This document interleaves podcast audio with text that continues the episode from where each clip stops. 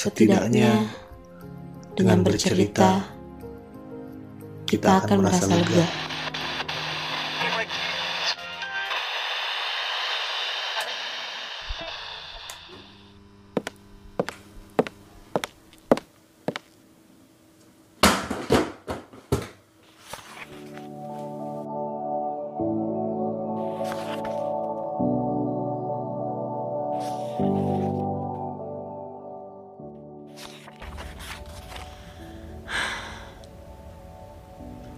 Tidak terasa sudah tiga tahun setelah kepergian ayah. Aku jadi teringat. Dulu, aku lebih sering bertemu ibu dibanding ayah. Lantaran, ayah bekerja di luar rumah dan pulang ketika kami sama-sama letih untuk berbicara. Tapi aku tahu, sebenarnya ayahlah yang mengingatkan ibu untuk meneleponku. Aku jadi teringat Semasa kecil, ibukulah yang sering menggendongku. Tapi aku tahu, ketika ayah pulang bekerja dengan wajah letih, ayahlah yang selalu menanyakan apa yang aku lakukan seharian. Walau beliau tak menanyakan padaku karena saking letihnya bekerja mencari nafkah dan melihatku terlelap dalam tidur nyenyaku. Tapi aku tahu, ia kecup keningku dalam tidur lelapku. Saat aku demam, ayah membentak.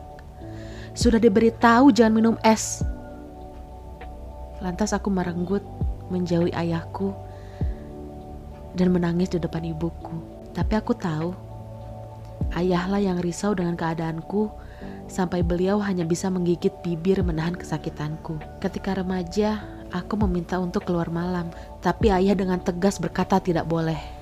Sadar ayahku hanya ingin menjagaku karena ia lebih tahu apa yang ada di luar. Karena bagi ayah aku adalah sesuatu yang sangat berharga. Setelah dewasa, walau ibu yang mengantar aku ke sekolah untuk belajar, tapi aku tahu ayah yang berkata, "Bu, temani anakmu. Aku akan pergi mencari nafkah untuk kita bersama." Di saat aku merengek memerlukan ini itu untuk kepentingan sekolahku, ayah hanya mengerutkan dahi tanpa menolak sedikit pun. Beliau memenuhinya dan cuma berpikir, ke mana aku harus cari uang tambahan? Padahal gajiku pas-pasan dan sudah tidak ada lagi tempat untuk meminjam.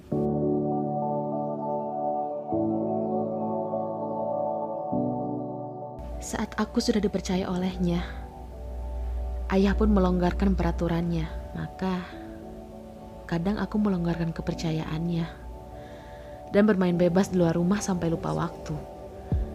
Tapi aku tahu, ayahlah yang menitipkan aku pada orang-orang di sekitarku agar aku tetap baik-baik saja. Ayahlah yang setia menunggu di ruang tamu dengan rasa sangat risau, bahkan sampai menyuruh ibu untuk mengontak beberapa temanku dan bertanya, aku sedang di mana dan sedang apa di luar. Saat aku mulai bekerja, Ayah adalah orang yang berdiri dan bertepuk tangan untukku. Ayahlah yang mengabari sanak saudara, anakku sudah bekerja. Dalam sujudnya, ayah juga tidak kalah dengan doa ibuku. Cuma bedanya, ayah menyimpan itu semua di dalam hatinya.